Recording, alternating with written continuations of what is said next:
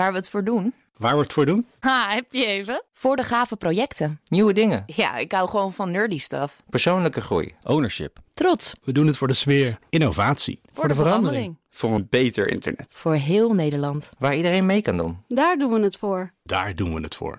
Waar doe jij het voor? Kom werken voor KPN en groei op jouw manier. Check de actuele vacatures op het gebied van data, security, development en networking op jobs.kpn.com/tech. Wetenschap vandaag. Carlijn Meinders, goedemiddag. Hallo Roos. We gaan het hebben over gezonde en sterke planten. Ehm, Ja. Dat zijn ze niet altijd van zichzelf blijkbaar, want de Utrechtse onderzoekers die denken een manier te hebben gevonden of een betere manier te hebben gevonden om die planten gezond en sterk te maken. Wat Ja. hebben ze bedacht? Het doel eh, van deze onderzoekers is eh, eh, het maken van planten die eh, minder gevoelig zijn voor ziekte, die minder pesticiden nodig hebben en die ook nog eens gezonder zijn voor ons om te eten. Eh, en als je een plant nu eh, wilt verbeteren, een nieuw, nieuw ras wilt maken, dan kan dat op verschillende manieren. Zoals Eh, genetisch je- manipuleren? Ja, bijvoorbeeld. Eh, maar dat mag hier natuurlijk niet. Ehm, je mag geen planten de, in de landbouw verwerken die genetisch gemanipuleerd zijn. Je kan ze wel op de ouderwetse manier gewoon kruisen. Tot je uiteindelijk de soort krijgt die je wilt. Maar dat is een lang en heel kostbaar proces. Met een wisselende uitkomst eigenlijk ook nog eens.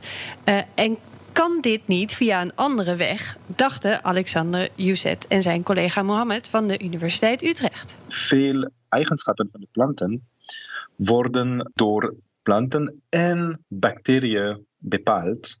Dit team kijkt al jaren naar de grote invloed van al die kleine beestjes tussen de wortels van planten.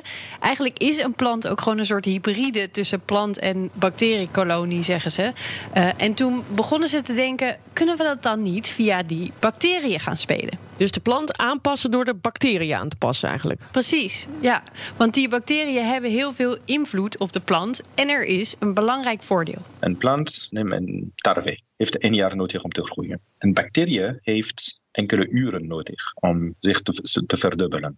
Dus er is veel, veel makkelijker en sneller bacteriën te verijdelen dan planten. Dat zijn ze vervolgens gaan testen natuurlijk. In de ene setting lieten ze de genen muteren van de plant zelf.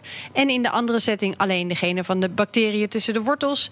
En ze mikten daarbij op genen die de voedingswaarde verbeterden... en die de weerstand van de plant sterker maakten. En wat zagen ze? Beide aanpakken werkten vrijwel even goed. En wat wordt hiermee nou mogelijk? Nou, stel je hebt een veld vol spinazie, eh, maar de plantjes zijn niet zo sterk als je wil. Je wilt de voedingswaarde wat verbeteren, dan ga je met je plantje naar Utrecht. En daar gaan ze dan eerst kijken, wat kan er genetisch beter? Welke genen zijn nodig voor die verbeteringen? Ze zoeken dan vervolgens als een soort matchmakers de juiste bacteriën erbij... die deze genen dan stimuleren. En binnen een paar maanden hebben ze dan een nieuwe verbeterde spinazieplant voor je klaar. Terwijl normaal veredelen soms jaren, soms tientallen jaren kan duren. Dus het zit hem dan vooral in die gigantische tijdswinst. Nou, dan zal het wel lekker druk worden daar in het lab. Ja, nou, het is ook niet een slecht businessmodel eigenlijk. En eh, ze hebben ook een spin-off opgezet om als er inderdaad heel veel vraag komt, dat ook meteen op te kunnen vangen. Maar ze hopen nu vooral op betere plantjes en een verduurzaming van de landbouwsector. Want als je de plant zo maakt dat hij minder water, minder meststof, minder pesticiden nodig heeft, dan scheelt dat ook een hoop geld. Het is echt een win-win situatie zo te horen. Hier kan niemand het op is een tegen zijn. win-win situatie. Ja. Nee, je Ik zou wil dit het bijna eh, zeggen. thuis. Mijn planten sterven altijd omdat ik ze vergeet water te geven. Ja, dan is het misschien wel weer wat duurder. Oh. maar misschien, eh, ik, ik kijk wel of ik eventjes eh, een goed woordje voor je kan doen. Ja, dat vind ik heel prettig, Carlijn. Zet een herinnering in je telefoon gewoon. Om drie dagen. Water. Even water. Oh, dat is kan een ook. goeie.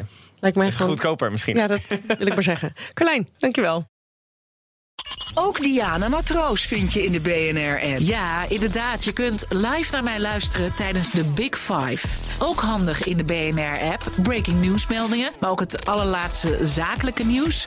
En je vindt in de app alle BNR-podcasts, waaronder Wetenschap Vandaag. Download nu de gratis BNR-app en blijf scherp.